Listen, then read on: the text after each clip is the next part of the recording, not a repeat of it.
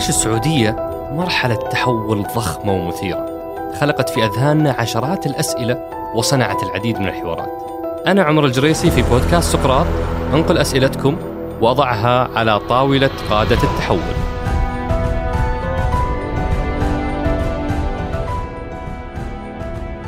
ضيفنا اليوم هو سعادة المهندس صالح رشيد محافظ الهيئة العامة للمنشآت الصغيرة والمتوسطة. يحمل ضيفنا شهادة البكالوريوس في علوم الكمبيوتر وتقنية المعلومات من جامعة الملك سعود. كما يحمل شهادة الماجستير في إدارة الأعمال من كلية IMD للأعمال في سويسرا. وحصل على عدد من الشهادات التخصصية والقيادية من هارفارد و MIT و IMD. أما مسيرته المهنية فتقلد فيها مناصب عديدة. مثل مدير عام الهيئة السعودية للمدن الصناعية ومناطق التقنية مدن والرئيس التنفيذي لشركة مطارات الرياض كما أن شغل عضوية عديد من مجالس الإدارة مثل الهيئة الملكية للجبيل وينبع وصندوق التنمية الصناعي والمؤسسة العامة للخطوط الحديدية وغيرها.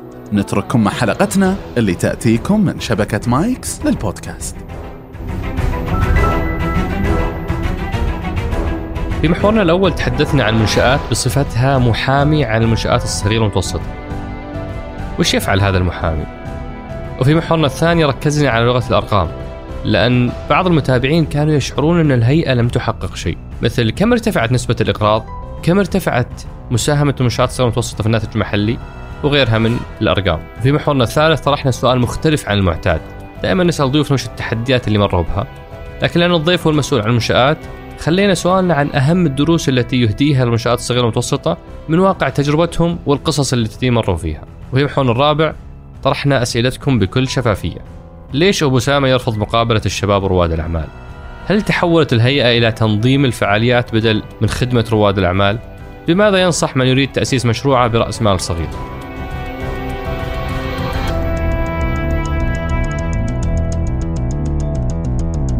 حياك الله أبو سامة شرفتنا ونورتنا.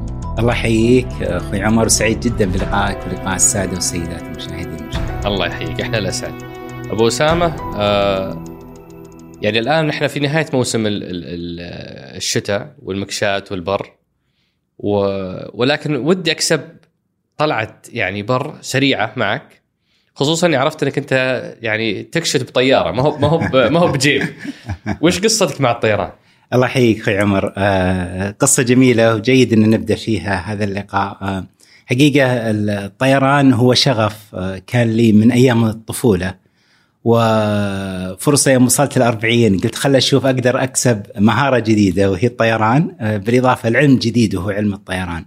يعني قبل 40 أنت ما كنت تطير؟ اي قبل 40 ما كنت أطير بديت فجأة في ال 40 بديت في هذا العالم. اي صحيح صحيح. ولها علاقة بعملك السابق في مطارات إيه الرياض؟ اي نعم. كنت سابقا أعمل في مطارات الرياض كرئيس تنفيذي وأيضا عضو في مجلس الإدارة. حقيقة كانت فرصة لي اليوم إني أتعلم الطيران في في ذاك الوقت. الحمد لله الفرصة هذه استغليتها. اشتريت طيارة أوه. رياضية جايروكوبتر وكانت فعلا تجربة متميزة إنك تكسب مهارة مهارة جديدة اللي هي الطيران. بالإضافة للعلم تتعلم علم جديد وعلم بحر كبير مثل الطيران. العلم هذا خلاني أكتشف أيضا ربوع بلاد المملكة. أماكن ومناظر جميلة جدا ما كنت أتخيلها ولا كنت أعرفها قبل الطيران. وش المكان اللي بتنصح هواة الطيران إنهم ما يفوتونه؟ الحقيقة الرياض اليوم منطقة الرياض أو هضبة نجد بالعموم فيها مناظر ما تتخيل كيف جمالها لين تطير فعلا وتشوفها. أيضا الرياض المختلفة اتكلم على روضة التنهات ولا الخفس ولا نورة ولا خريم ولا غيرها من الرياض اللي حول مدينة الرياض أماكن جميلة جدا. أيضا في نادي للطيران بقيادة سمو الأمير سلطان بن سلمان. حقيقة النادي ساعد كثير هواة الطيران العام في التعلم لهذه الهواية وأنا حقيقة أفتخر إني عضو من أعضاء هذا النادي. أنا ما قد وشكرا لك إنك بديت هالقصة الجميلة. أنا ما قد جربت هال يعني هالتجربة إني أشوف الرياض من فوق فأبيه منك وعد إن شاء الله بما أن طيارتك تستوعب اثنين إنك يوم من الأيام يعني تعطيني تذكرة بلاش وأطلع معك ونشوف الرياض من فوق. تشرفنا والله والله يحييك وبركه الله يشرف مقدارك. هذه كانت الهواية بدأت في عملك السابق في مطارات الرياض. وبعدها انتقلت إلى منشآت وأنت تقود منشآت من يناير 2018 إلى اليوم وهذا يقودني لمحور محورنا الأول في حلقتنا اليوم اللي هو محور من أنتم. آه أنا ببدأ المحور أبو أسامة بحيث ما انتهى آه عبد الله المديفر في لقائه معك آه في 2018 لما قال انقلوا عني أو انقلوا عن صالح الرشيد أنه يقول نحن محامي المنشآت الصغيرة المتوسطة. أنا بنطلق من كلمة محامي. ما هي أدوار هذا المحامي تجاه المنشآت الصغيرة المتوسطه؟ لأنها نقطة جدا مهمة في ضبط التوقعات وإدارة آه، آه، ردو يعني آه، توقعات الناس اللي اللي تتوقع الكثير من المنشآت ولذلك بعضهم اليوم غير راضي عن المنشآت. فما هو دور هذا المحامي؟ جميل جدا. أنا أعتقد لو تسألني من أنتم أقول لك نحن الهيئة اللي تأخرت خمسين سنة. أوه. يعني دولة زي السعودية فيها اقتصاد آه، قوي ومتين. أحد الدول آه، آه، من من دول العشرين على مستوى العالم من أكبر اقتصاديات العالم. تبدأ فيها هيئة تعنى في المنشآت الصغيرة المتوسطة. في 2017 أعتقد تأخرنا تأخر كبير إذا قارنا أنفسنا في بعض الدول. مثال دولة مثل كوريا الجنوبية أو دولة مثل اليابان أو غيرهم تلقى هيئة زي هيئة المنشات الصغيرة المتوسطة بدأت من آه، أكثر من 40 50 سنة. آه، بل بعضها صارت وزارات وهيئات تعنى في المنشات الصغيرة والمتوسطه فلذلك إحنا حاولنا نستعجل في كثير من المبادرات اللي نقدمها لنواكب ون يعني آه، نسابق الزمن أن نحقق مستهدفات رؤية المملكة 2030 أرجع أقول اقتصاد زي المملكة يسيطر عليه حدود 100 شركة 100 شركة كبيرة آه، تجعل المملكة آه، يعني في خطر اعتمادها على هذه الشركات. تعزيز القاعدة الأساسية في المنشآت الصغيرة والمتوسطه وقطاعات مختلفة هذا اللي أتت فيه رؤية المملكة العربية السعودية آه، لمساعدة هذه المنشآت. إحنا 99% من عدد شركاتنا أو من من من شركاتنا هي شركات صغيرة متوسطة 99% صحيح ولكن هذه 99% لا تشكل إلا 20% من الناتج المحلي لما انطلقت الرؤية في 2016 صحيح صحيح. هي هي 99.4% إذا نبغى إيه بالدقة. آه، هي منشآت صغيرة متوسطة. بس أرجع يعني تخيل معي ال 100 شركة هذه اللي ذكرناها لا قدر الله آه، صار لها مشكلة. أو بعضها صار لها مشكلة أو قطاعاتها صار لها مشكلة. تخيل بس معي وش الأثر اللي بيصير لاقتصاد المملكة العربية السعودية. ولأجل هذا أسست منشآت وهدفها رقمها الأساسي ومؤشرها الأساسي هو الانتقال بمساهمة المنشات في, في الناتج المحلي من 20% إلى 35% بحلول عام 2030. صحيح. أه ودي أبو اسامه تشرح لنا يعني ما دمنا في محور من أنتم ما هو الدور اللي يفترض أنكم تقدمونه لهذه المنشآت حتى نرتقي بهذا الرقم من 20 إلى 35%. آه، جميل جدا. آه، أول شيء إحنا شفنا في قطاع المنشآت الصغيرة المتوسطة في المملكة العربية السعودية وش التحديات اللي تواجهها؟ أول تحدي آه، رأيناه هو سببنا إحنا كجهات حكومية وهو سهولة ممارسة الأعمال. فمن قبل سنتين بدينا نشتغل على المحور هذا بحيث ان نسهل أكثر الإجراءات المنشآت الصغيرة والمتوسطة ومثل ما ذكرت بداية اللقاء إحنا دورنا هو دور المحامي آه، لهذه المنشآت ندافع عنها نساعدها ندعمها والجهات اللي اللي آه، نعمل معها هي الجهات المعنية اليوم تدعم المنشات الصغيره والمتوسطه.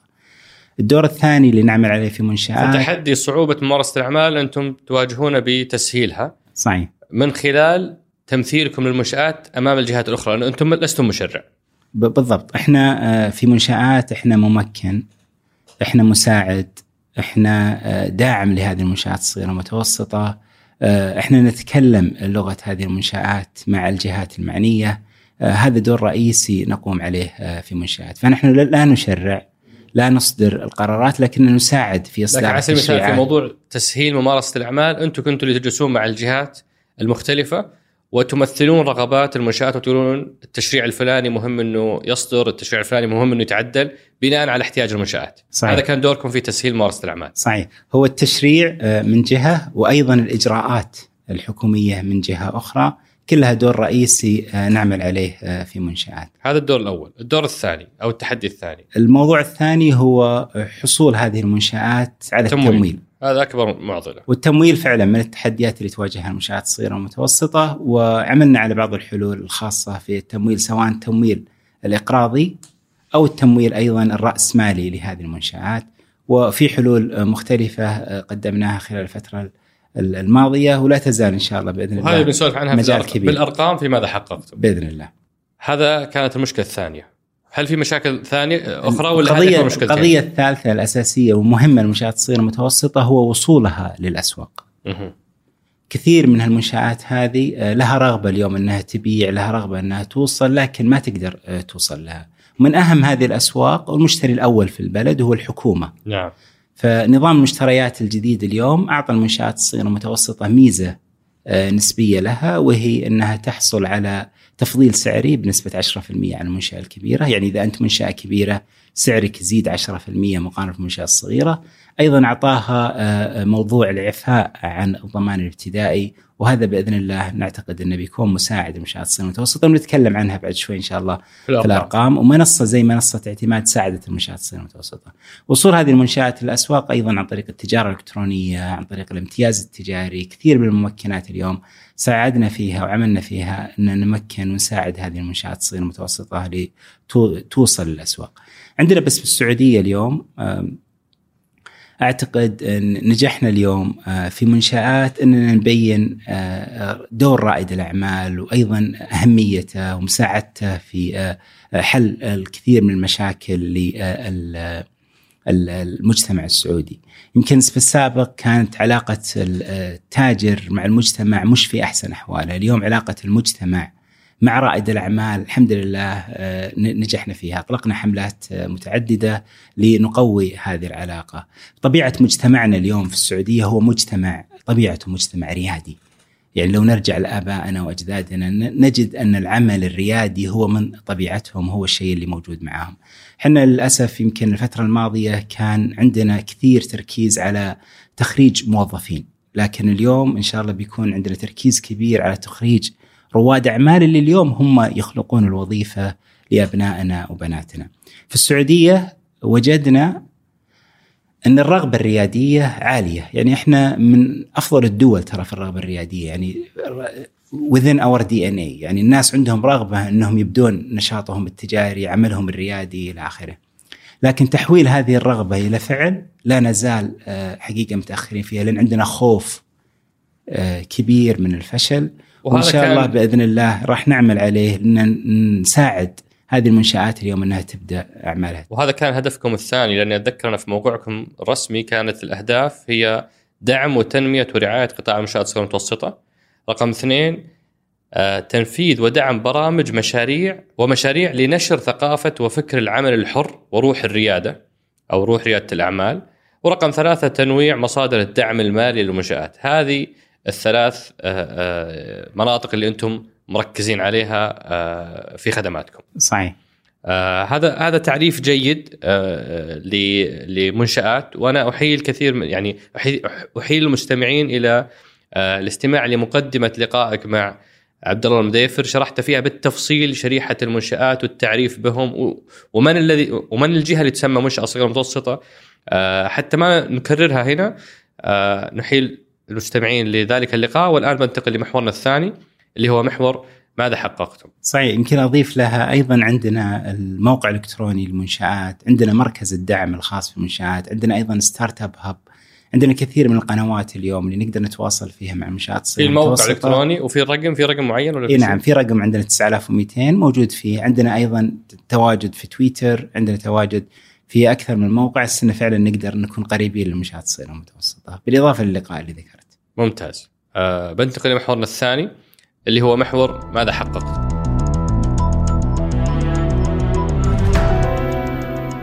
آه أنا ببدأ أول رقم أبو أسامة وهو أهم رقم. آه مساهمتكم في الناتج المحلي. لما انطلقت الرؤية يعني آه، هذا هذا الملف من كثر ما هو مهم صدر قراره حتى قبل إطلاق الرؤية نفسها. يعني قرار إنشاء هيئة للمنشآت الصغيره المتوسطة صدر في أكتوبر 2015 حتى قبل إطلاق الرؤية. وبعدها أخذت وقتها لين تأسست وصدر نظامها واختير قياداتها في المرحلة الماضية. فهو ملف جدا مهم.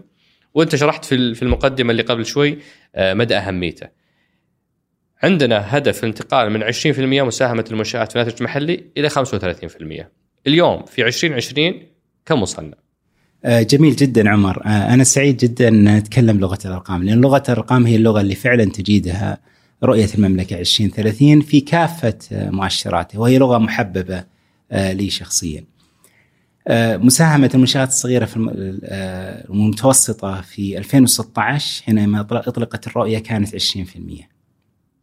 وفي لقائك مع المديفر 2018 وصلتوا 22% نعم. اليوم الحمد لله وصلنا إلى 28% مساهمة المنشآت الصغيرة المتوسطة. 28% الناتج المحلي اللي هو أعلى من هدفكم أصلا. هدفكم كان 25 لا هدفنا سلمك الله 35% هدفنا في 2020 كان 25% إي نعم إي نعم. هدفنا في 2020 كان كان 25% فأنتم بس اليوم تجاوزتوا هذا الهدف. صحيح إحنا تجاوزنا بس ودي أكد على موضوع إحنا نعتمد في أرقامنا على الأرقام المعلنة من هيئة الإحصاء. مضبوط. وهذه الأرقام اللي أنا ذكرتها هي الأرقام الرسمية اللي معلنة من هيئة الإحصاء. اليوم ال baseline آه، كيف تم وكيف تم حسابه وكذا هو موجود مع هيئة الإحصاء. هيئة الإحصاء. هذه القفزة الكبيرة اسامه وش كان دوركم فيها وشلون حققناها؟ حقيقة إحنا اطلقنا كثير مبادرات في آه، في منشآت لدعم المنشات في ناس قلقه اسف اني قاطعتك، في ناس قلقه أنه هذا عبارة عن تحويل في سجلات تجارية بس تغيير مسميات سجلات تجارية ولا إعادة تعريف آه، يعني تصنيف الجهات فصارت القفزة هذه. يعني آه، إحنا نقول اليوم لغة الأرقام هي اللغة اللي تتكلم، هي اللغة اللي فعلا لغة نقدر نعتمد عليها. نرجع اليوم لكيف تم حساب الأرقام هذه. هي آه، لها methodology ولها طرق مختلفة اليوم في تصدر من هيئة الإحصاء. ما تصدر إيه تصدر من هيئة الإحصاء من جهات آه، آه، مختلفة. خليني يعني أنتقل من موضوع مساهمة المنشآت الصغيرة المتوسطة في الناتج المحلي. يمكن هذا هو our North Star يعني النجمه الكبيرة اللي اليوم إحنا قاعدين نبحث فيها ونشوفها. لكن خلينا نروح على مستوى أقل من مساهمة المنشآت الصغيرة المتوسطة في الناتج المحلي. مثل؟ يعني أعطيك مثال. يعني كانت عدد المنشآت الصغيرة المتوسطة عام 2017 452 ألف. صارت عدد المنشآت الصغيرة المتوسطة 554 ألف عام 2019 نسبة النمو تقريبا 15% كانت نسبة الإقراض للمنشآت الصغيرة المتوسطة من البنوك أقل من 4% عام 2017 اليوم نسبة الإقراض من البنوك هي 6.2% للمنشآت الصغيرة والمتوسطة. هذا إقراض البنوك المباشرة إقراض وليس البنوك للم... صناديق إيه نعم. حكومية وليس الصناديق الحكومية الإقراض التجاري للبنوك. من خمسة؟ من أقل من 4% من أقل من 4% إلى 6.2 إلى 6.2% طيب هذا أبو سامة رقم جدا مهم لأن موضوع الإقراض حساس بالنسبة للناس. وش فعلتوا ما الذي قمتم به حتى ترتفع هذه النسبة؟ اللي فعلناه يعني أول شيء إحنا تكلمنا مع مع البنوك بصورة مباشرة، علاقتنا آه، جدا قوية مع البنوك في آه، إقراض المنشآت الصغيره المتوسطة، عرفنا وش التحديات اللي اليوم البنوك آه، تواجهها، أيضا وش تحتاج المنشآت الصغيرة والمتوسطه من البنوك اليوم على أساس إنها تمولها. لقينا في علاقات قوية جدا من البنوك مع المنشآت المتوسطة، لكن العلاقة ما هي قوية مع المنشآت الصغيرة. فعرفنا وش التحديات اللي تواجهها اليوم البنوك مع هذه المنشآت وحاولنا فعلا نقدم لها الحلول المناسبة. مثال مركز دعم المنشآت اليوم يساعد هذه المنشآت كيف تقدم ملفك اليوم كيف تقدم نفسك اليوم للبنك نساعدها عن طريق المركز. فلو أنا اليوم منشأة صغيرة ولا متوسطة وماني عارف كيف أخذ قرض من البنك مركز دعم المنشآت يساعدني أسوي ملف يزيد من قبول البنوك لإقراضي. صحيح يساعدك في إعداد الملف اليوم يزيد من قبول قبول البنوك لإقراضك مثل ما ذكرت. نعم كل الخدمات اللي اليوم نقدمها هي خدمات مجانية خدمات من آه، الحكومة. آه، برجع بس للنقطة الأساسية اليوم آه، إحنا لغة الأرقام هي اللغة الأساسية اللي اليوم نتكلم فيها مثال آخر على الأرقام المشتريات الحكومية يعني مثال آه،. إحنا اقتصادنا كله قائم على الإنفاق الحكومي. ما زال يعني صحيح يعتبر المشتري الأول اليوم هو الحكومة. كم كنا في 2016 2016 كانت نسبة المشتريات الحكومية 9% 9% المنشآت الصغيرة والمتوسطه إي نعم. اليوم؟ في 2019 2019 صارت من 9% إلى 27.3%. عجيب. هذه هذه هذه قفزة كبيرة ومتوقعين إن شاء الله في المستقبل إنها أيضا يكون فيه تقدم، أنا أدعو المنشآت الصغيره المتوسطه حقيقة للاستفادة من آه، منصة مثل منصة اعتماد، أيضا التكامل مع سواء منشآت كبيرة أو منشآت صغيرة وتقديم حلول للمشتريات الحكومية لمساعدتها هذا رقم يعني قفزة ضخمة أبو اسامه، يعني يحتاج مزيد من الشرح، شلون قدرتوا تأخذون هالقفزة؟ هل هو نظام المشتريات الجديد؟ ولا منصة اعتماد ولا وش سويتوا حتى تحدث هذه القفزه؟ يعني خلني أعطيك بعض الأمثلة اللي صارت خلال الفترة الماضية. آه، أول شيء اعتماد مثل ما ذكرت له دور كبير، النظام الجديد واللائحة اليوم لها دور آه، كبير في دعم وتمكين المنشآت الصغيرة والمتوسطة، أول المنشات الصغيره والمتوسطه آه، متميزة وكثير منها منشآت ممتازة، لكنها ما تقدر تقدم نفسها للحكومه بصورة جيدة. إحنا نقدر قدمنا دورات وقدمنا أيضا استشارات لهذه المنشآت كيف اليوم تقدم؟ كيف تفوز اليوم آه، بمناقصة حكومية، أيضا مو بالضروري إنك تشتري أيضا من فتقدمون خدمات استشارية في كيفية تقديم المناقصات. خدمات استشارية أيضا نقدم خدمات تدريب. وأنا يعني أدعو المنشآت لاستفاده من التدريب المقدم كيف تقدم اليوم على مناقصة أو مشتريات حكومية، وش تحتاج؟ وش تتوقع من الحكومة؟ كيف طريقة تعاقد الحكومة؟ هذه كلها من خلال مركز دعم المنشآت. هذه كلها يتقدم عن طريق عن طريق منشآت عن طريق مركز دعم المنشآت. والتواصل مع المركز بالموقع ولا ولا الحضور الشخصي ولا وش الطريقة؟ لأن هذه فعلا خدمات مهمة سواء موضوع طلب القروض ولا موضوع المشتريات الحكومية والمناقصات؟ هو نعلن إحنا دائما عن كل دورة نقدمها في منشآت عن طريق المركز، أيضا في مستشارين نقدمهم، أيضا عندنا تطبيق آه، نوافذ منشآت عن طريق الجوال اليوم تقدر تتكلم مع أحد المستشارين، في عندنا منشآت أكاديمي أيضا فيها تدريب مختص آه، سواء في آه، إعداد الاستراتيجيات، التسويق، المبيعات وغيرها. أنا أعتقد اليوم ضروري جدا ان نطور كفاءاتنا وأيضا نزيد تعليمنا على أساس ان نقدر فعلا ننافس وننمو كمنشآت صغيرة ومتوسطة. ممتاز، أيضا إحنا هنا نشير لحلقة سابقة كانت مع معالي الدكتور نبيل كوشك رئيس الشركة السعودية للاستثمار الجريء ونتحدث عن هذا الملف بشكل مفصل وهو جزء من الإقراض الراسمالي اللي أنتم تقومون به صح؟ إي صحيح. آه، اللي هو وصلته تقريبا طريق الشركة السعودية للاستثمار الجريء. 1.1 مليار ريال آه، تم صرفها للصناديق وللمستثمرين الجريئين آه، في استثمارات جريئة على شكل تمويل رأس مالي. صحيح صحيح. يمكن استرسلت فيه بحلقتك مع معالي الدكتور نبيل صحيح. بصورة كبيرة. وانت رئيس مجلس إدارة تلك الشركة. إي نعم إحنا إحنا هدفنا في الشركة هو ال co-matching هو كيف أن نربط المستثمر زين مع رائد الأعمال. إذا إذا المستثمر استثمر مئة ألف إحنا في الشركة السعودية نستثمر مئة ألف ريال. طبعا المستثمر هذا لازم يكون angel investor اللي هو مستثمر ملائكي آه، وفي شروط معينة آه، لهؤلاء المستثمرين. كذلك ال VC ال venture capital funds اللي هي صناديق الاستثمار الجريء. اليوم فيها أكثر آه، من صندوق أسس بسبب هذه المبادرة. هذه الحمد لله المبادرة ساعدت إن المملكة اليوم يصير ترتيبها الثالث على مستوى آه، المنطقة وإن شاء الله بإذن الله نأمل إن نأخذ المركز الأول بإذن الله. جميل. قبل ما أقفل المحور أبو أسامة ودي أعرف آه، بشكل عام كبنش مارك أو مقارنة معيارية عالمية في موضوع مساهمة المنشآت في الناتج المحلي، وش المتوسط العالمي؟ يعني إحنا نبغى نوصل 35% في 2030 بس وش المتوسط العالمي؟ عشان نعرف مكاننا في العالم. سؤال جدا ممتاز عمر. آه، أنا أعتقد الاقتصاديات اليوم تختلف. في كل دولة مختلفة عن دولة أخرى. يعني في السعودية اليوم اقتصادنا مختلف عن أي دولة أخرى. اعتمادنا آه، على مثلا البترول اليوم وجود أكبر شركة في العالم زي أرامكو اليوم موجودة عندنا في السعودية. يخلي اليوم لنا آه، طبيعة مختلفة اليوم عن بقية الاقتصاديات.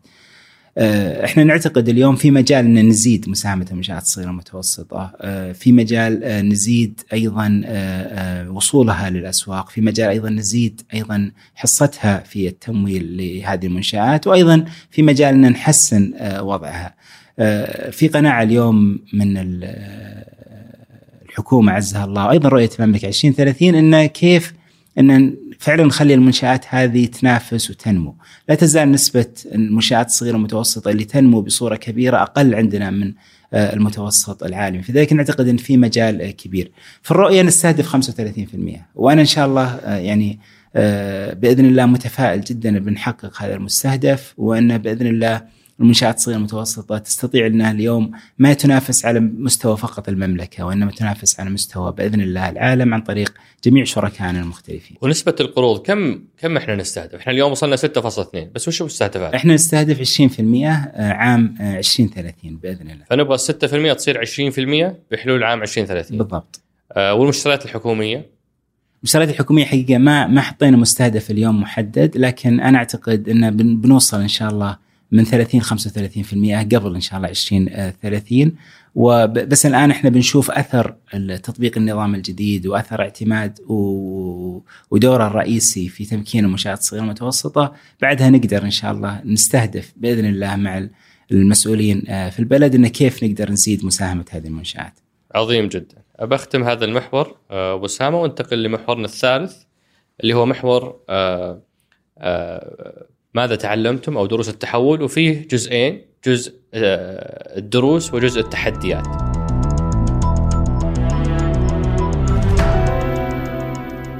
بالعادة أبو سامة إحنا نسأل ضيوفنا في هذا المحور عن أهم الدروس اللي تعلموها في عملهم. لكن لأنك رئيس منشآت راح أطرح السؤال بشكل مختلف وأقول لك من واقع احتكاككم بالمنشآت وش أهم الدروس اللي تهديها لرواد الأعمال؟ بالحقيقة عمر هذا السؤال جدا ممتاز وأستأذنك إنك تعطيني وقتي آه، في الإجابة له. يعني أعتقد محور يمكن اليوم آه، يمكن من أهم المحاور اللي اليوم إحنا نتكلم فيها في هذا اللقاء الجميل. في قواعد كثيرة ودروس كثيرة تعلمتها. حقيقة من لقائي في رواد الأعمال من مراجعتي ودراستي لبعض الحالات اللي شفتها خلال السنتين الماضية في منشآت. أبدأ فيها آه، قديما كان يقال السمكة الكبيرة تأكل السمكة الصغيرة. صحيح. الآن عشان كذا يسمونهم الهوامير. بالضبط. الآن السمكة الأسرع هي اللي تأكل السمكة الأبطأ بغض النظر عن مقاس السمكة هذه عن حجمها. لا الوضع تغير جدا، الأسواق آه، تغيرت، فلذلك اليوم طبيعه الأعمال آه، تغيرت. أعطيك أمثلة آه، كثيرة اليوم واجهتها. صاحب مايسترو بيتزا الأخ خالد العمران. نعم. يعني بدأ ما شاء الله مشروع بداية صغيرة اللي هو مايسترو بيتزا. اليوم هو مايسترو مايسترو بيتزا منتشر انتشار كبير أصبح ينافس كبريات شركات العالم. بل بعضها أصبحت يعني فعلا تخاف من منافسة خالد. خالد إيش سوى؟ انتشر انتشار كبير بحيث إنه تواجد في كثير من المناطق تحسن من جودة الخدمة توصيل الطلب لعملائه. أيضا استخدم التقنية بصورة جدا ممتازة استطاع اليوم أنه ينافس بالجودة وبالسعر وبالخدمة آه، المتميزة. آه، كذلك آه، مثال عالمي يمكن نسمع الحين عن لوكين كافي. هذه شركة أمريكية صينية, صينية نعم. أيه. تنافس الحين الأسواق كثيرة على مستوى العالم وهي شركة ليستد الآن، الشركة هذه ناشئة لو تشوفها بدأت من ثلاث أربع سنوات شركة توها آه، في بدايتها لكن توسعاتها وفروعها أصبحت بصورة آه، كبيرة، فلذلك أحيانا آه، كثيرة أنك تكون موجود بالسوق بصورة سريعة وتكون موجود الأول يساعد كثير في المنافسة وأيضا يساعد كثير في النمو. بس لازم البطيء. اي بس لازم لازم تكون عندك خطة آه، صحيحة آه، فيها. قاعدة ثانية. يقولون قدر الشراكة لا يفوح. هذه في أقول في موروثنا الشعبي هذا صحيح. أنا أقول لا يفوح. شلون؟ كثير من الناس يعتقد أنه يبدأ مشروع الحالة أنه أفضل له وأنه أسرع له وأنه يقدر ينافس بقوة وأنه هو اللي فاهم هو اللي عارف وغيره ما يعرف وكذا. أنا أعتقد إذا اليوم بتروح بعيد لازم يكون معك شركاء، لازم يكون معك مجموعة تشتغل معاهم بصورة قريبة وقوية، إذا بتروح سريع بسرعة بخطوة سريعة تقدر تروح لحالك، لكن إذا بتروح اليوم الاسواق أبعد وتوصل أماكن أبعد لازم يكون معك شركاء. شركاء يساعدونك في التمويل شركاء يساعدونك في الرأي شركاء يساعدونك في الوصول للأسواق لازم الشركاء عندك مختلفين ويكملون الشيء اللي أنت بحاجة له في آه، مشروعك. بعطيك أمثلة. آه، الأخ أحمد السعيد مؤسس هرفي. أبو خالد بدأ مشروعه ما شاء الله بداية جدا ممتازة وموفقة لكنه وصل مرحلة ما يقدر يتوسع إلا بدخول شركاء آه، رئيسيين ومهمين فيه. بدأ شراكته مع الأمير الوليد بن طلال. ما شاء الله الحين الآن هرفي هي listed company أكثر من 400 فرع موجود لها في أنحاء المملكة تنافس شركات كبرى زي ماكدونالدز ولا كنتاكي ولا غيرها بأنه فعلا استطاع أبو خالد أنه يكمل آه، شريك له يقدر يساعده إنه يصل آه، بصورة أقوى وبصورة أسرع. آه، مثال آخر آه، شركة زي سكيل آه، المؤسسة الأخ صلاح الحميدي الاخ صلاح كان عنده مؤسسة هو شغال على coworking space وبدأ مشروع صغير وكذا. إحنا في اشتراطاتنا في منشأة نعطيك الرخصة إنك تبدأ في ال coworking space مساحة عمل مشتركة إنك يكون معك شركاء إنك تكون شركة. حتى لو كانت شركة مالك واحد طبعا بس إحنا نشجع إنها تكون شركة أكثر من مالك. فبدأ مشروعه وما شاء الله الآن فتح أكثر من ثلاث فروع آه، من شركاء على أساس إنه يكبر الشركة وآخر لقاء معه كان يقول أنا أستهدف إني أروح اي بي أو إنه يستهدف إنه يروح يطرح للسوق المحلي. بدأ مشروعه من آه، مؤسسة لكن يوم كبر ودخل مع شركاء اليوم قدر آه، يتوسع بصورة كبيرة. أرجع النقطه الأساسية.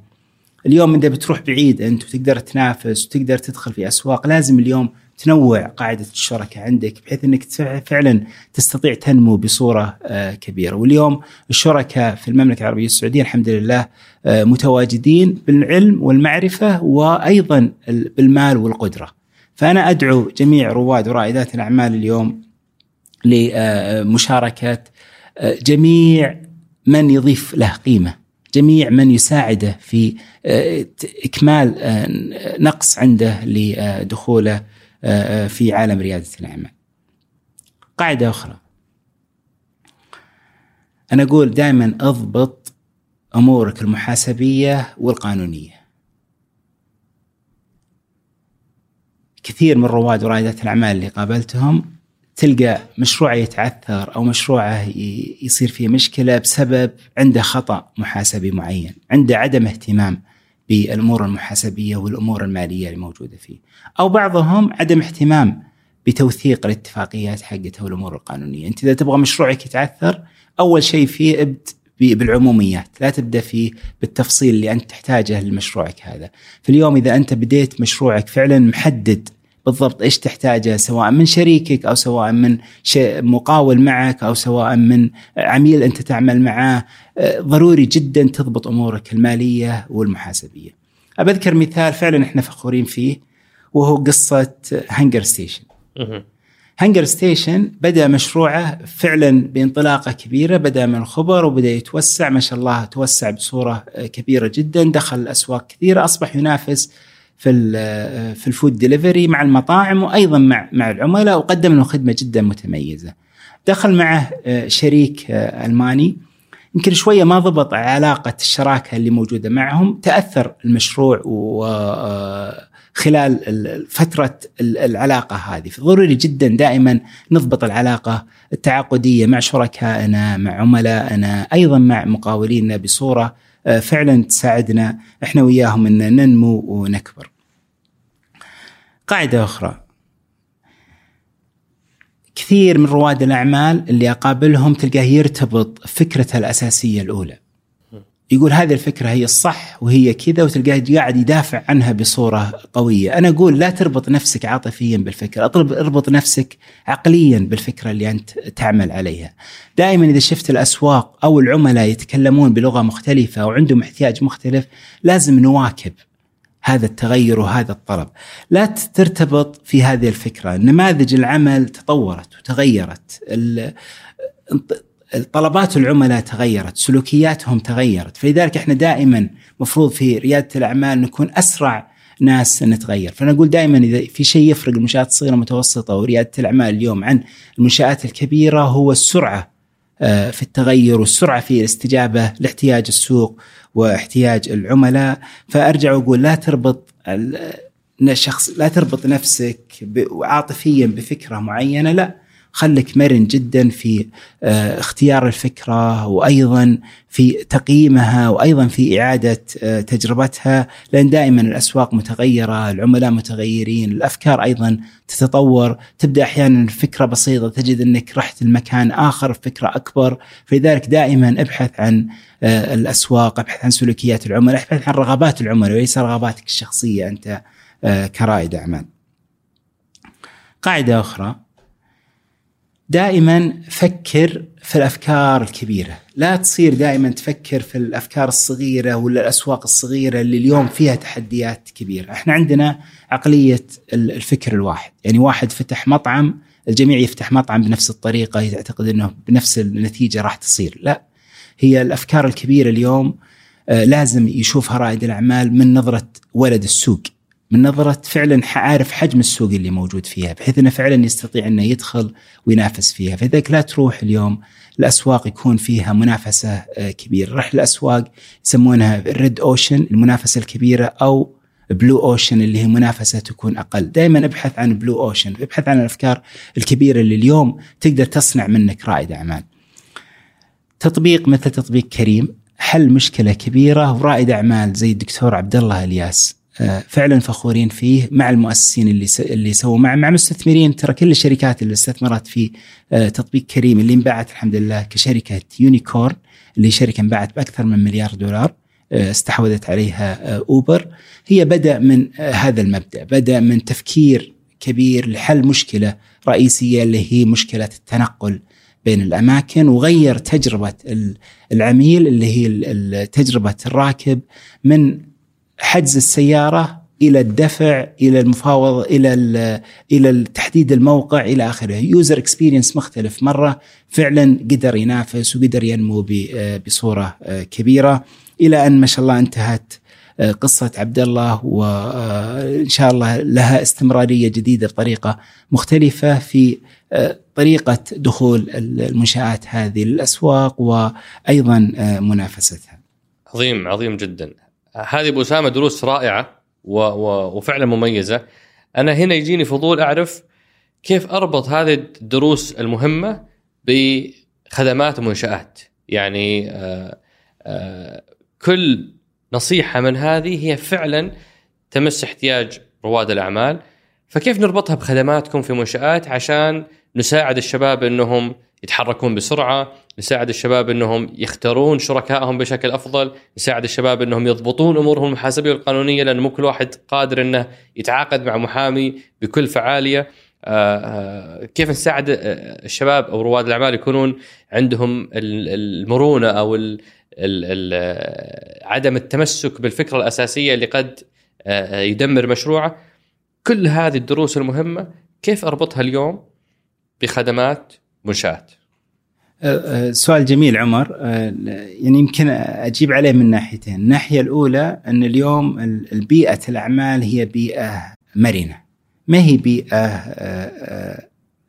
ثابتة بأسس وقوانين معينة، هي بيئة متحركة. ما هي تتغير مع طبيعة الأسواق، تتغير مع مزاج العملاء والمستهلكين، تتغير مع متغيرات كثيرة، فلذلك اليوم يمكن الحكومة تستطيع تضع الخطوط العريضة، تستطيع تساعد في الأشياء الأساسية، لكن بالأخير يجب على رواد الأعمال ورائدات الأعمال والقطاع الخاص اليوم إنه كيف فعلا يستفيد منها بصورة آه، مختلفة. أنا أعتقد اليوم آه، بيئة مثل ذكرت coworking space عندنا رخصنا أكثر من 100 coworking space هو تجمع رواد ورائدات الأعمال في مكان واحد لمساحه عمل مشتركة. أيضا ساعدنا في وجود venture capital fund اللي هو رأس المال الجريء بحيث إنه تساعد المستثمرين اليوم كيف إنهم يقدرون يساعدون رواد الأعمال، أنا أعتقد أكثر مفيد لرائد الأعمال هو رائد أعمال مثله. صح وأكثر مفيد للتاجر هو تاجر مثله، فلذلك اليوم ضروري جدا نعمل مع بعض كرواد أعمال وكتجار ان فعلا نكبر مع بعض ونستطيع إن نروح لاماكن آه، أبعد. عندي قاعدات أخرى أنا أعتقد اليوم مهم جدا إني أتكلم آه، فيها مع آه، في هذا اللقاء الجميل. قاعدة أساسية بالنسبة لي هو لا تبدأ مشروعك بدين. كثير من لا المشاريع. تبدأ مشروعك بدين اي كثير من حتى إحنا المشاريع. مبسوطين نزيد نسبة الإقراض. صحيح بس انها نسبة الإقراض يصير في النمو. في النمو إن- وليس في التأسيس. اي نعم الإقراض يصير في التوسع. الإقراض. يصير اي نعم. فلذلك كثير من المشاريع اليوم لأن إذا صار بدأ في إقراض المقرضين لا يتحملون مخاطر زي المستثمرين. المقرضين يست يجب أن تت- يست يستردون مبالغهم اللي أخذوها. فلذلك ابدأ في مشروعك لو كان مشروع بسيط ابدأ فيه من فلوسك الخاصة من أصدقائك من عائلتك. وهذا اللي صاير في كثير من الدول. بعدين تقدر تبحث المرحلة الثانية عن مستثمرين أصدقاء عائلة فلوس شخصية. إي نعم. بعدين تقدر تبحث عن مستثمرين تقدر تبحث عن عن قروض في مرحلة آه، متأخرة في المشروع. لكن يجب اليوم إنك تنجح في المرحلة الأولى من مشروعك وبعدها تقدر آه، التوسعه تتوسع. لا تبدأ بقرض. لا تبدأ بدين لا تبدأ بقرض شكل جتكم قصص تروع. يعني في قصص اليوم أواجهها لأن بعضهم يقول أنا جاهز أنا أبغى أبدأ بس ما أحتاج إلا فلوس. اي هو حقيقة اللي دائما يجيني زي كذا أنا أقول أنت ضروري تسوق مشروعك إذا أنت ما سوقت مشروعك على مستثمر. صعب أنك تسوقه على آه، مشتري ولا- مشتري ولا عميل ولا كذا. أنت لازم مشروعك يكون فعلا مق- مقنع له. إذا ما لقيت اليوم مشروع أحد يستثمر معك معناته المشروع عندك فيه آه، تحدي كبير. أنا دائما أنصح المشروع يبدأ حتى لو كان على مستوى صغير لكنه يثبت المشروع هذا جدواه ومهما قلنا في الدراسات اللي نسويها أو في البحوث اللي نبحثها أو في الإيمان الكبير اللي نعتقده داخليا إن المشروع هذا بينجح يبقى ال- ال- الحكم الأخير هو للسوق. هل السوق هذا يقول المشروع ينجح ولا لا؟ هل عملاء في فعلا عملاء للمشروع هذا ولا لا؟ هذا هذا السؤال الأهم اللي اليوم لازم الشخص يقيمه ويجربه قبل آه، ما يبدأ آه، مشروعه التجاري. جميل. قاعدة أخرى. حدد عميلك. كثير من المنشآت الصغيرة المتوسطة ورواد الأعمال اليوم تلقاه يبدأ مشروعه ولا عرف بالضبط من هو عميله ولا عرف بالضبط إيش احتياجه. لا فلذلك مهم جدا اليوم أن نحدد عملائنا، يعني إذا جيت اليوم أسوي مشروع أقول من عملائك؟ يقول لي مثلا طلاب المدارس. طيب طلاب المدارس شريحة كبيرة، في طلاب طالبات في مرحلة ابتدائية، في مرحلة متوسطة، في مرحلة ثانوية، لازم تحدد عميلك بالضبط من هو وكيف أنت تخدمه وكيف أنت تقدر تساعد، إذا حددت عميلك حتى بالسن حتى في الطبيعة حتى في في الموقع هذه جدا مهمة اليوم إنك تقدر تنافس. لأنك إذا حددت عميلك تقدر تسوي الشيء اللي هو يبغاه. إذا ما حددته تقدر تخمن الأشياء اللي هو يبغاها وعاده إذا ما حددت عميلك بالتجارب اللي شفتها حقيقة يواجه كثير من المنشات الصغيرة والمتوسطة تحدي في المنافسة في السوق والنمو آه، فيها. بعطيك مثال. تطبيق آه، عندنا تطبيق آه، تستاهل. هذا التطبيق زارنا في مركز آه، ذكاء. التطبيق كان في البداية محدد عملائه إنهم هم العوائل. هو الأب مع ابنائه ولا الأم مع ابنائها يعني العائلة نفسها. آه، جميل تحديد جيد وبدأ يشتغل في المبدأ هذا. فجأة لقى في سوق آخر وأهم وقاعدين يستخدمون آه، تطبيقه لكنه ما ركز معاهم اللي هم مدارس. المدارس بالضبط. لقى المعلم مع الطالب أو المعلمة مع الطالبة وكيف يسوي النقاط هذا ال gamification التطبيق قائم على ال gamification كيف إنه يقدر يساعدهم. يوم غير استراتيجي حقته رجع من نمو عادي إلى نمو كبير في في مشروعه بسبب إنه فعلا حدد عميله وحدد وش احتياجات العميل اللي يحتاجها وعلى فلذلك الطريق ارجع أقول ترى إبراهيم الزهيمي صديق عزيز هو هو شريك في هذا التطبيق والتطبيق هذا ولدت الفكرة في بيتي. ما شاء الله جميل. كانت في جلسة فأنا الآن يعني على أمام الملأ أطالب إبراهيم بحصة في ال- في التطبيق. جميل كل التوفيق إن شاء الله. الله يوفقه يا رب. فخورين حقيقة في رواد ورائدات الأعمال اللي يستاهل. موجودين. يعطيهم العافية. الأخ إبراهيم وأيضا آه، شركائه. يا رب. قاعدة أخرى كثير تجيني أسئلة متى أقدم استقالتي؟ اي وأنا أعتقد هذا السؤال يمكن السؤال الذهبي اللي اليوم فعلا نحتاج أن نجاوب فيه. أنا أعتقد شغلتين مرة مهمة، الأولى هي وش الميزة النسبية اليوم لمشروعك اللي أنت تبغى تدخل فيه الميزة التنافسية عن المشاريع الأخرى. فلازم تكون عندك ميزة تنافسية قوية عن أي مشروع موجود في السوق، على أساس إنك تقدر تنافس. القاعدة الثانية وهي الأهم على أساس تكون أنت جاهز أنك تبدأ ريادة أعمال لازم يكون فيك سبع صفات. إذا مين موجودة أنا أقول استمر في وظيفتك ترى إحنا نحتاج موظفين زي طبعاً. ما اننا نحتاج رواد أعمال كلهم حقيقة مهمين اليوم للبلد ومهمين لنمو البلد وش هي السبب؟ السبعة الأولى أول شيء لازم يكون عندك شجاعة وإقدام. الثاني لازم يكون عندك حسن قيادة. مهم. الثالث لازم تكون عندك طموح عالي. الرابع يكون عندك شغف في المشروع اللي انت تشتغل فيه. إذا كان فعلا عندك شغف له وحابه بإذن الله تنجح. مع الصفات الم- المذكورة. الخامس لاز- لازم يكون عندك حب للتعلم. تتعلم في المشروع الجديد اللي انت شغال فيه تتعلم في أشياء جديدة في البزنس تتعلم في آه، التحديات اللي تواجهها. لازم يكون عندك حب كبير للتعلم. السادس لازم يكون عندك صبر. صبر وجلد. لأن المشاريع تحتاج صبر وجلد وتحتاج مثابرة. فضروري جدا يكون عندك صبر وجلد في آه، في مشروعك. والأخيرة؟ السابعة لازم يكون عندك ثقة واعتداد بالنفس. إذا ما عندك ثقة فعلا بنفسك ومشروعك بيواجه مشروعك آه، آه، صعوبات. فلذلك أنا أقول السبع صفات هذه ضروري جدا تكون موجودة في رائد الأعمال بالإضافة إلى أن فكرة اللي هو قاعد يسويها هي فيها ميزة تنافسية. أنا أقول لو تحققت السبع حتى المشروع لو قدر الله صار فيه مشاكل يقدر الشخص يغير وينتقل مشروع آخر وبإذن الله يوفق. لكن الأهم هي وجود هذه الصفات السبع شجاعة، حسن قيادة، طموح عالي، شغف، حب التعلم، صبر وثقة. جداً. هذه هي السبع صفات اللي إذا توفرت فأنت تنصح الشخص بأنه آه، يستقيل ويتفرغ لمشروعه. جدا جميل، هذا يعني آه، هذه إجابة أتوقع آه، لسؤال تكرر كثيرا. فأنت- جاني- جاني- فانت اختصرت يعني جاني اختصرت احد علينا جاني أحد الأشخاص هو موظف حكومي ويعمل في مشروع. طيب في يوم ذكرت له السبع صفات هذه قال هذه الصفات كلها موجودة فيني ما عدا ان مشروعي يحتاج ميزة تنافسية. فعلا اشتغل على مشروع الميزة التنافسية اللي موجود وتفرغ المشروع بعد تسعة شهور مرني في المكتب ويقول الحمد لله أبشرك مبيعاتي زادت ثلاث أضعاف ما شاء الله. ومشروعي ما كان أول كان يواجه مشاكل الحمد لله مشروعي الآن آه، تميز. وبس فلذلك أنا أقول وللتوضيح بما نجا طاريها وش المقصود بالميزة التنافسية للي ما يعرف هذا المصطلح؟ الميزة التنافسية اليوم أنت بتقدم مشروع بتقدم منتج بتقدم خدمة. طيب؟ المنتج هذه ولا الخدمة هذه لازم تكون تختلف عن الخدمات اللي موجودة اليوم في السوق. ما يصلح تكرر خدمة موجودة زي ما هي في السوق. لازم أنت اليوم تقول أنا المنتج هذا أو المشروع حقي ميزة التنافسية عن المتنافسين اللي مثلي هي هي الميزة الفلانية. لازم تكون عندك ميزة مختلفة.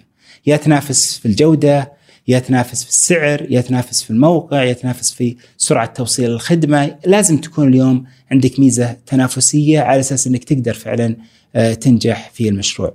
وكثير من رواد الأعمال رواد الأعمال أجي أقول له وش ميزتك التنافسية؟ يعطيني ميزة تنافسية آه، قد تكون موجودة عند منا- منافسينه فما تصير ميزة تنافسية أساسية. وبعضهم الأصعب منها صراحة يقول ما عندي منافسين. اي طبعا مو بصحيح الكلام هذا. ما في مشروع ما في منافسين. لازم يكون في منافسين. لو كانوا منافسين مو بنفس المجال لكنه أيضا مجال آه، آه، يعتبر آه، مكمل للمجال هذا. ف على الطاري التنافس التنافس موجود وهو من سنة الحياة. أتذكر نتفلكس ما أعرف هذه نكتة ولا فعلا كانوا يقولون واحد من أكبر منافسينا النوم. إن الإنسان لما ينام فهو يعني يمضي كثيرا من الوقت بعيدا عن الشاشة اللي آه، نبغاه يقضي وقت طويل فيها. فمن منافسين نتفلكس النوم.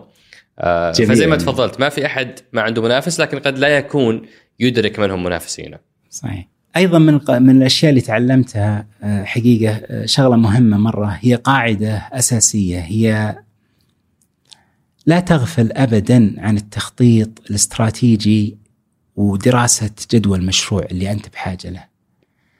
لأنه اليوم لو ما درست المشروع بصورة جيدة وعرفت إيش مداخله، إيش مخارجه، وعرفت إيش التحديات اللي يواجهها وأيضا عملت دراسة جدوى تكون دراسة جدوى منطقية وصحيحة وفعلا آه، معتمدة على أسس وإلا بتواجه آه، تحديات ومشاكل. من القصص الجميلة اللي صارت لي آه، في طبيب أسنان أعالج عنده الدكتور محمد الغامدي نعم الله يمسيه بالخير. دكتور محمد آه، بالصدفة طبعا آه، كنت أراجع معه من قبل ودرى أني أنا أعمل في منشآت فجاني في المكتب. أول ما قابلني قال الله يعطيكم العافية، يعني أنا أول كنت مسوي عيادة أسنان مع خمس أطباء أسنان يقول كنت جاي بدون أي تخطيط استراتيجي للمشروع بدون أي جدوى مجرد إني أنا كنت أعمل في عياده أسنان اعتقدت المشروع جدا مربح بناء على كذا وكذا وكذا. لكن يوم جيت قابلت أحد المستشارين في التخطيط الاستراتيجي ساعدني اليوم إني كيف أبحث كيف إني أحدد عميلي كيف إني أوجد الميزة التنافسية حقتي، كيف إني أحدد أسعاري، وين الموقع الأنسب لي، فتغيرت كثير من الأشياء اللي كنت أنا أعمل عليها.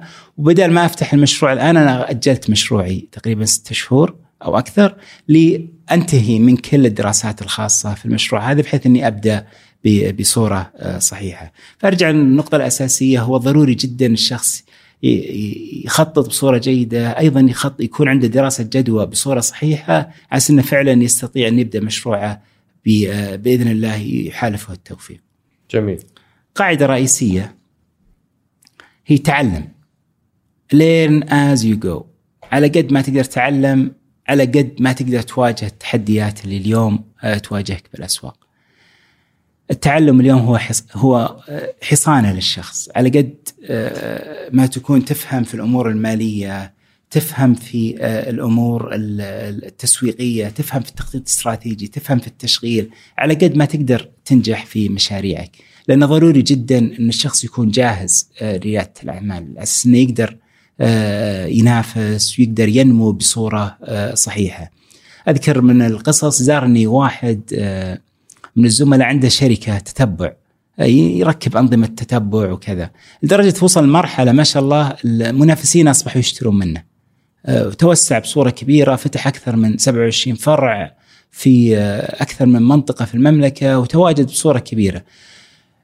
يقول يعني أنا بداية مشروعي كانت بداية بسيطة ما توقعت إني بنجح كل النجاح هذا يوم اليوم نميت بصورة كبيرة أنا اقتنعت قناعة كبيرة إني أحتاج إلى مهارات مختلفة اليوم إلى أن أنمي شركتي بصورة كبيرة وأنا أحييه فعلا إنه عرف إنه فعلا يحتاج إنه يطور مهاراته في كثير من الجوانب المعرفية والعلمية على أساس إنه يتطور وينمو فيها. فلذلك على قد ما نتعلم على قد ما نقدر نواجه تحديات السوق المختلفة. ما شاء الله. هذه مجموعة دروس وقواعد مفيدة جدا. أتمنى ان ان تفيد من له اهتمام في هذا المجال. وكذلك مريح بالنسبة لي إني أسمعها منك حتى نطمئن بأنه قائد منشآت اللي اللي يدرك احتياجات هذه المنشآت سيترجم هذه القواعد إلى خدمات و يعني برامج تقدم في منشآت للشباب والبنات اللي مهتمين بريادة الأعمال. فالله يعطيك العافية أبو أسامة. أنا بنتقل لمحورنا الرابع والأخير اللي هو محور أسئلة الناس واستفساراتهم.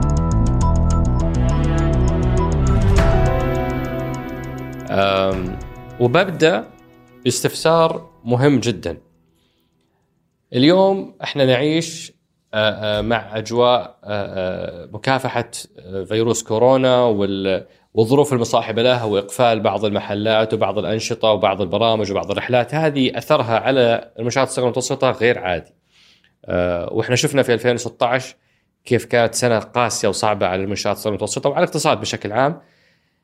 اليوم الناس قلقة أن يتكرر ما حدث في 2016 لهم، هم يدركون إنه هذا إجراءات طبيعية وحنا مع حكومتنا فيما تراه مناسب، لكن أنتم كهيئة منشآت ماذا يعني أعددتم لحما لحماية تلك المنشآت من آثار هذه القرارات؟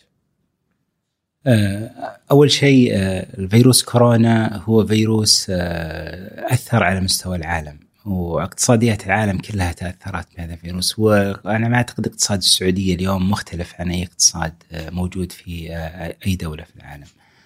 أعتقد فيروس كورونا هو يمكن ثلاث محاور رئيسية، أول شيء هو موضوع صحي والأهم حقيقة الآن إن فعلا كيف نحافظ على الوضع الصحي اليوم في المملكة العربية السعودية وتقليل أثر هذا الفيروس وما شاء الله الإجراءات اللي اتخذت اليوم في المملكة العربية السعودية بقيادة حكومتنا إجراءات كبيرة وبإذن الله متوقعين أثرها بيكون إيجابي، السعودية اليوم صارت قدوة حتى في إجراءات، في, نعم. في إجراءات آه، كورونا. فالحمد لله اليوم الإجراءات اللي نسويها دول متقدمة الآن بدات تكرر نفس الإجراءات والسعودية كانت سابقة باسابيع لم تكن أكثر من ذلك. الموضوع الثاني في فيروس كورونا هو الأثر الاقتصادي واللي اليوم إحنا نتكلم عنه هذا صحيح. موضوع مرة مهم جدا. الموضوع الثالث هو الأثر النفسي اللي بيصير سواء كان آه، أثر نفسي على مستوى الأفراد أو أيضا أثر نفسي على مستوى الدول. نعم لأن ال- الأثر هذا أكيد بيأثر آه، تأثير كبير آه، مجتمعيا وأيضا اقتصاديا.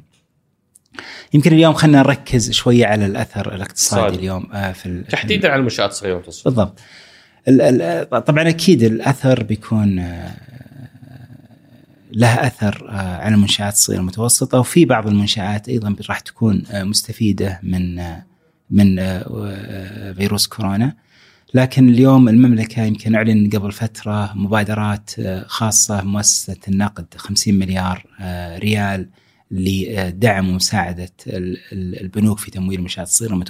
وتأجيل إي نعم وتأجيل القروض الستة شهور ممكن بشكل سريع نعرف بالضبط وش هالثلاث خ... هالثلاث برامج اللي للمنشات الصغيره ال- والمتوسطه ي- ب- بشكل مختصر وسريع البرامج هذه آه، في برنامج تأجيل الدفعات تأجيل الدفعات وش قصته هذا؟ اللي هي تعطي منشات صغيرة متوسطة مهلة ست شهور اليوم إنها ما تدفع، تعرف أنت ال working capital وال cash عبارة عن اكسجين للمنشآت طبعاً. هذه.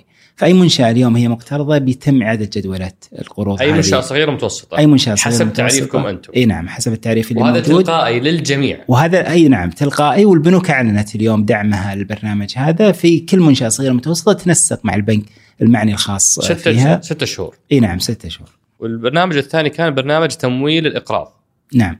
تمويل ال ال ال الاقراض للمنشآت الصغيرة والمتوسطة. أيضا آه، هذه وديعة آه، وضعت آه، من مؤسسة النقد لمساعده المنشآت الصغيرة والمتوسطة في تمويلها، متوقع إن شاء الله بيكون فيه نمو لتمويل المنشآت الصغيرة والمتوسطة من هذه المحفظة وبتساعد بإذن الله الحصول المنشآت هذه لاقراض بحيث إنها تساعدها لمواجهة تحديات وآخر واحدة كانت. برنامج دعم ضمانات التمويل. برنامج دعم ضمانة التمويل هو برنامج كفالة. البرنامج يعنى بتضمين آه، بعفوا بضمان القروض للمنشآت الصغيرة والمتوسطة الكولاترالز يعني ما يحتاج المنشأة تقدم ضمانات كفالة يضمن المنشأة هذه بدل آه، ما يقدم المنشأة الصغيرة والمتوسطة كفالات طبعا كفالة أعيد آه، هيكلته واليوم عنده أكثر من محفظة ما فيها محفظة خاصة تجارة إلكترونية الامتياز التجاري أيضا الشركات الناشئة. في أكثر من محفظة اليوم في برنامج كفالة تستطيع البنوك اليوم أنها تقرض وهذه المبادرة خاصة في مساعدة ودعم هذه المنشآت بتحمل آه، آه، بنسبة آه، برنامج كفالة عن هذه المنشآت. هذه أول حزمة واللي كان 30 مليار لأول مبادرة 13 مليار ثاني مبادرة 6 مليار لثالث مبادرة. هذه هي الحزمة الأولى. حلقتنا ستبث بكرة إن شاء الله تعالى. فهل عندك حزمة تقولها الحين وتنشر بكرة آه، بإذن- إضافية؟ أنا أنا متفائل بإذن الله إن حكومتنا ما راح تقصر لدعم المنشآت الصغيرة والمتوسطة ودعم الاقتصاد آه، في المملكة وبإذن الله آه، متفائل جدا بإصدار حزم جديدة تساعد المنشآت في مواجهة في شيء هذا- هذا ولا التحدي لسه؟ آه، في نقاشات قاعدة تتم في الموضوع وإن شاء الله آه، بإذن الله سيصدر آه، شيء من الجهات ال- ال- المعنية بإذن الله تعالى. أنا بمر على بقية أسئلة المتابعين، هذا يمكن طولنا فيه لأنه موضوع حساس وموضوع موضوع- الساعة جدا ولكن بقية الأسئلة حمر عليها مرور سريع. أنت أبو اسامه صدرك واسع وحتتقبل أكيد من أخوانك وأبنائك الشباب أسئلتهم بمختلف آه، يعني آه، صياغاتها. كل سنة آه، فحنبدا أبدأ بأول سؤال اللي تكرر بأكثر من صيغة مختلفة آه، اللي هو سؤال أسمع جعجعة ولا ولا أرى طحينه. الناس يعني شريحة منهم قاعدين يقولون نسمع نسمع نسمع بس ما نشوف شيء. وهذا وش وش ترد عليهم؟ آه، جميل أنا أقول آه، لك حق علينا إن نسمعك إي ولنا حق عليك إنك ترانا okay فأنا أقول seeing is believing زرنا و... واستخدم خدماتنا وبكل سرور طيب فندعو كل ال- اللي طرحوا هذا السؤال إنهم يزورون منشآت بعد ال 14 يوم لأن الحين ما في دوامات. آه، ولكن في تطبيق نوافذ، حاليا تطبيق نوافذ هو اللي يقدم جل خدماتكم، صح ولا لا؟ آه، بالضبط تطبيق نوافذ نقدم فيه خدمات خاصة في الإرشاد والاستشارات وأيضا عندنا خدمات إلكترونية أخرى زي اكاديميه خاصة بمنشآت تقدم تدريب وغيرها وأيضا الحلول الموجودة تمويلية مختلفة. أنا ودي اكد على موضوع مرة مهم إن إحنا في منشآت اليوم ما نخدم في كثير من الحالات المنشآت الصغيره المتوسطه بصورة مباشرة، نخدمها عن طريق شركائنا المختلفين. يمكن أستاذنك اليوم أشكر حقيقة كل شركائنا المختلفين اللي دعموا المنشآت الصغيره والمتوسطه خلال الفترة الماضية، لولا ثم هم كان اليوم ما وصلنا للمرحلة هذه من الأرقام اللي حققت في الفترة الماضية. يعني شركاء المنشات الصغيره المتوسطة كل الجهات الحكومية والقطاع الخاص ساهمت وساعدت في دعم المنشات الصغيره المتوسطه حقيقة لهم شكر كبير. تأكيد على كلامك لاحظت أنك أنت ممثل أو ممثل في كثير من مجالس إدارة الجهات المختلفة مثل الصناعات العسكرية مثل قطاعات أخرى دائما المنشآت مقعدها موجود لتمثيل صوت رواد الأعمال فكل هذول هم شركاء نجاح معكم. صحيح إحنا في منشآت متمثلين في كل أو أغلب الجهات اللي لها علاقة في اقتصاد المملكة العربية السعودية والحمد لله صوت المنشآت الصغيره المتوسطه مسموع وأيضا في كثير من الجهات اتخذت خطوات إيجابية كبيرة جدا وإن شاء الله متفائلين في المستقبل بنقلة كبيرة بإذن الله في المنشات الصغيره المتوسطه. جميل. هنا في سؤال يمكن غريب شوية أنا تعمدت ابقيه وأطرحه لتصحيح أي مفاهيم مغلوطة، هنا في سؤال يقول ليش ما تنشئ الهيئة مشاريع متوسطة وتشغل فيها الشباب وأفضل من التركيز على الدورات النظرية. هو يتساءل عن دور منشآت في موضوع التوظيف. يقول ليش ما تسوون أنتم مشاريع وتوظفون الناس؟ دور الحكومة مو بإنشاء المشاريع، دور الحكومة إنها تطلع من المشاريع، هذا دور القطاع الخاص. وهذا اللي أنتم تبغون تمكنونهم. بكل تأكيد. هنا في سؤال لماذا لا يتم دعم المنشآت الصغيرة المتوسطة للتعاقد مع الجهات الحكومية وتحدثنا عن أنها قفزت من 9% إلى 27% حصة المنشآت في العقود الحكومية. أعطى النظام 10% ميزة تفضيلية للمنشآت الصغيرة المتوسطة. يعني إذا أنت منشأة كبيرة سعرك يزيد 10% على المنشآت الصغيرة المتوسطة. أيضا أعطى النظام إمكانية عدم تقديم الضمان الابتدائي للمنشآت هذه. فالنظام وأيضا وجود نظام اعتماد بيساعد كثير المنشآت بإذن الله. فلو أنا قاعد أنافس مع شركة كبيرة أنا منشأة صغيرة أنافس مع شركة كبيرة لو سعري أعلى 10% فأنا لي ميزة يعني عن عن هذه المنشأة الكبيرة. صحيح.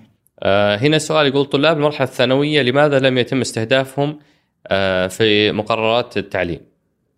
فعلا هذا نقطة جدا مهمة. اليوم التعليم يحتاج حقيقة أن نرتقي فيه. إحنا ما نحتاج نخرج كثير موظفين بدون رواد أعمال. نحتاج موظفين وأيضا نحتاج رواد أعمال.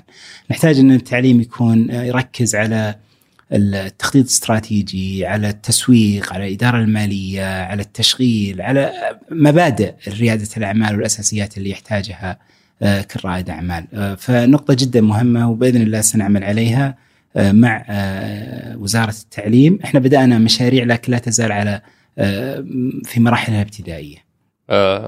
هنا سؤال يقول أتمنى استحداث نظام يشجع أصحاب الروح الريادية الموظفين أنكم تصرفون لهم راتب شهري؟ يعادل الراتب الحالي لمده مده ثلاث سنوات مثلا بحد أقصى. لو موجود بكرة أستقيل وتفرغ هذا السائل يقول كذا. أنت وش رأيك؟ وأنا كذلك أتمنى. أقول لولا المشقة ساد الناس كلهم. الجود يفقر. الجود يفقر والإقدام قتال. طبيعة ريادة الأعمال بالسبع صفات اللي ذكرناها تخلي رائد الأعمال يقدم ويعمل. ما هو الدعم المقدم للشركات المبتكرة الناشئة التي توجد نموذج عمل جديد يتطلب تشريعات وأنظمة جديدة؟ بعض ال startups اللي أو الشركات الناشئة تكون في مرحلة نموذج العمل يتطلب تشريعات خاصة. آه زي ما قاعدين نشوف إحنا الحين في ال fintech وفي المجالات الأخرى. وش اللي تقدمون لهم أنتم من دعم؟ أطلب منه يروح مركز ذكاء. مركز ذكاء. هذا متخصص في نماذج الأعمال الجديدة. نعم. آه لماذا التركيز كله على المنشآت الجديدة التي لم تتجاوز الثلاث سنوات؟ وعدم اهتمام كلي بالشركات القائمة آه والتي تأثرت كثيرا بالقرارات الحكومية. سؤال جميل وكثير يجيني السؤال هذا. مبادرة واحدة عندنا هي اللي تركز على الشركات الناشئة هي مبادرة استرداد الرسوم. بس هذه المبادرة أما أكثر المبادرات اللي نعمل عليها هي تركز على الشركات القائمة والموجودة بغض النظر عن عمرها. بالضبط.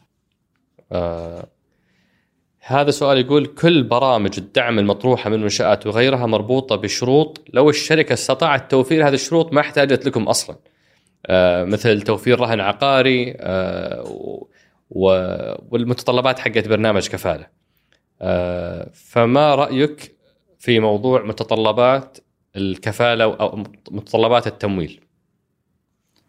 حقيقة أتفق لا يزال التمويل اليوم هو أحد التحديات اللي تواجهها منشآت الصغيره المتوسطة.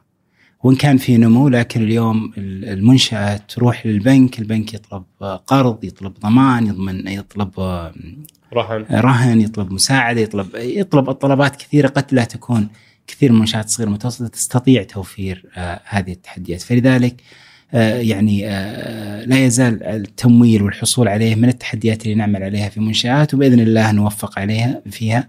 اليوم اطلق أطلقت عدة مبادرات منهم مبادرة إقراض غير مباشر، أيضا تعزيز كفالة، لكن لا تزال الاحتياج حقيقة أكبر كثير من اللي نعمل عليه وبإذن الله إحنا رفعنا بخصوص تأسيس بنك خاص للمنشات الصغيرة المتوسطة وبإذن الله سيجد القبول.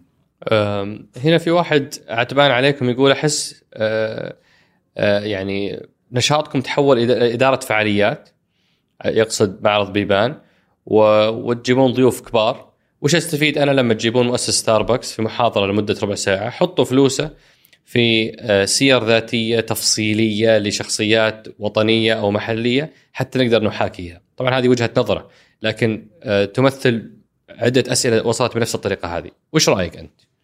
أنا أعتقد اليوم تجيب شخص يعكس تجربة 30 سنة في 30 دقيقة هذه بحد ذاتها مكسب. وموضوع السير الذاتية لرواد الأعمال المحليين، هل عندكم مشروع لتسليط الضوء على سيرهم؟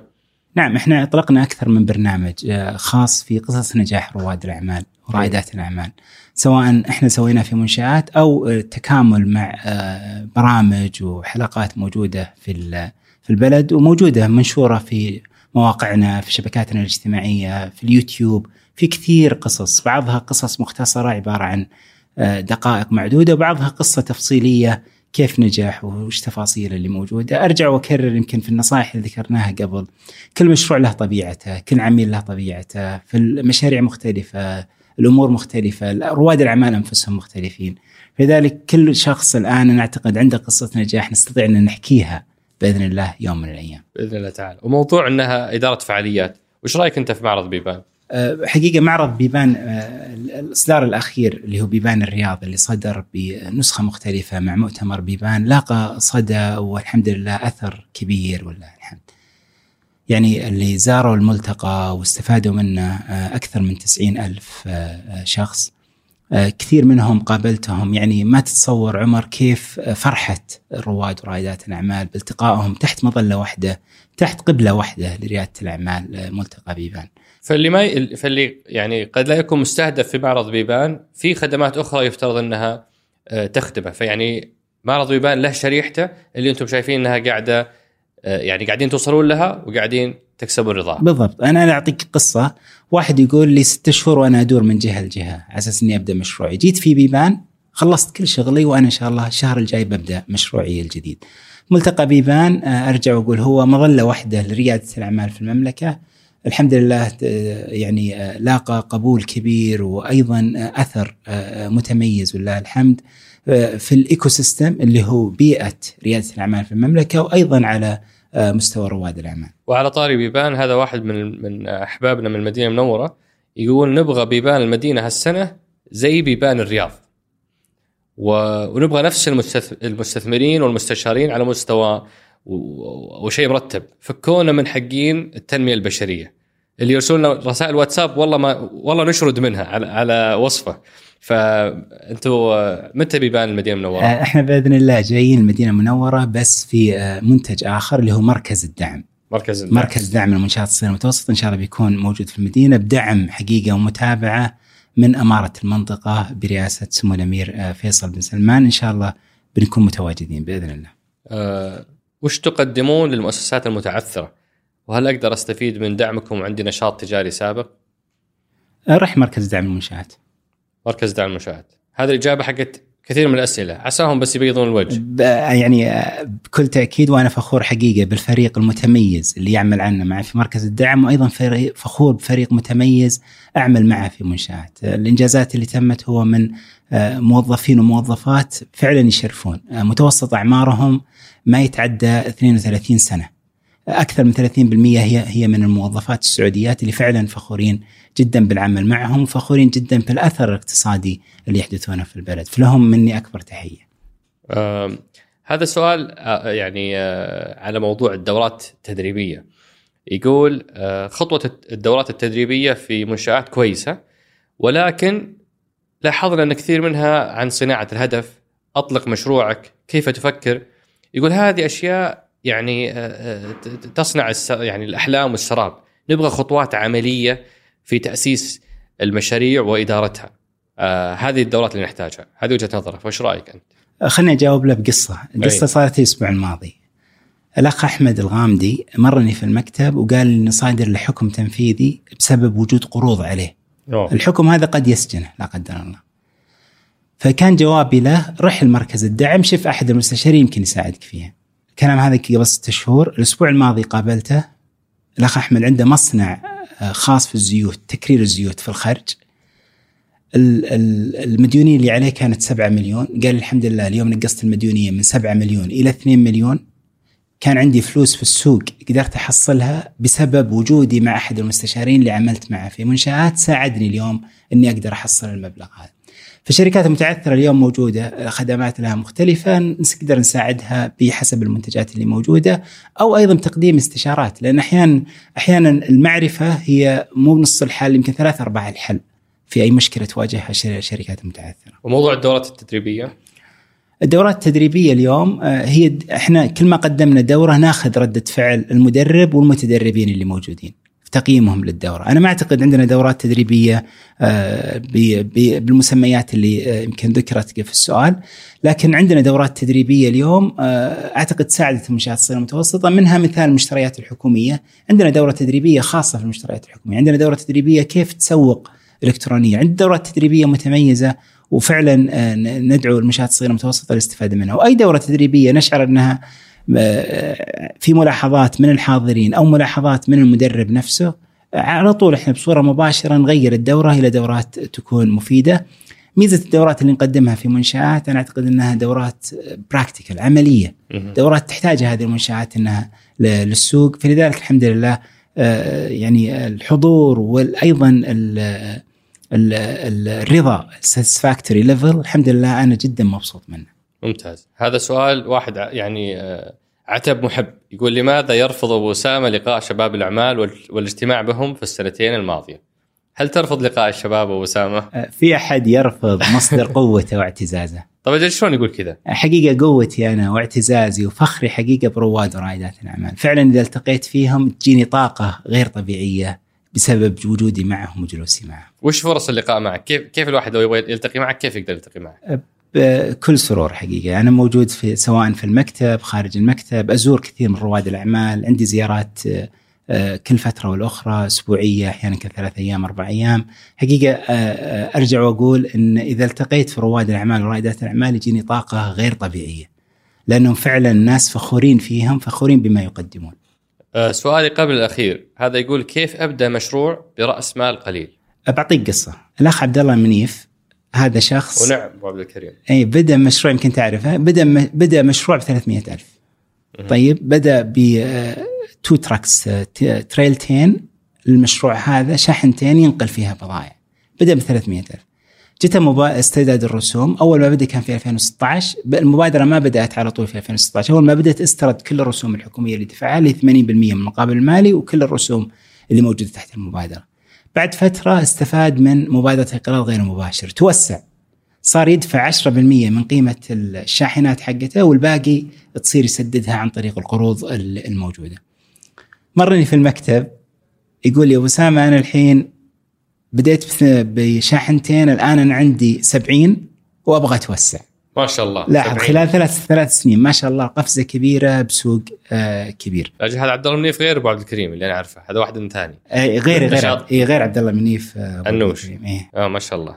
فمن شاحنتين إلى آه 70 شاحنه شاحنة برأس مال قليل وهو سؤال الأخ آه الفاضل. أنا أقول دائما بداية المشروع يجب أن تبدأ في رأس مال. لا تبدأ مشروعك من قروض وهذا يمكن أحب اكد عليها.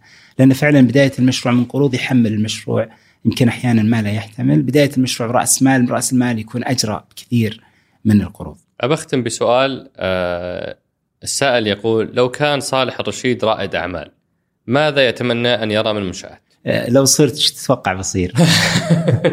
والله يعني شيء له علاقة بالطيران. ما أدري أخاف تسوي شركة طيران خاصة ولا شيء. آه، سؤال جميل جدا. آه، أنا أعتقد يمكن أصير أركز شوية في في المشاريع اللي تنمو بصورة كبيرة اللي هي تك بيست تصير التقنية تساعد المشروع هذا إنه ينمو. و بس وش تنتظر من المنشات؟ من المنشات حقيقة يتوسعون في مراكز الذكاء. بحيث إنها تدعم المشاريع الابتكارية اللي ذات نمو عالي وكبير. وهذا السؤال الآن موجه لك. لماذا لا تتوسعون في مراكز ذكاء؟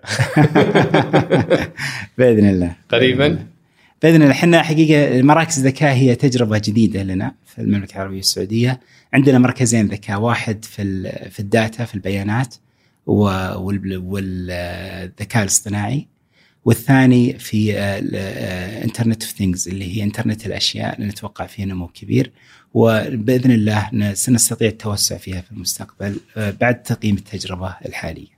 عساكم على القوة ممتن لقبول الدعوة وشاكر لك حضورك أبو سام. أنا شاكر لكم وحقيقة لقاء جميل. الله يحييك يا أهلا وسهلا. مرعبة فكرة أن يكون اقتصادنا قائم على 100 شركة فقط. وهنا يجي دور هيئة منشآت في توسيع القاعدة وزيادة نمو الشركات الصغيرة والمتوسطة. المهمة ما هي بسهلة. الله يقويهم.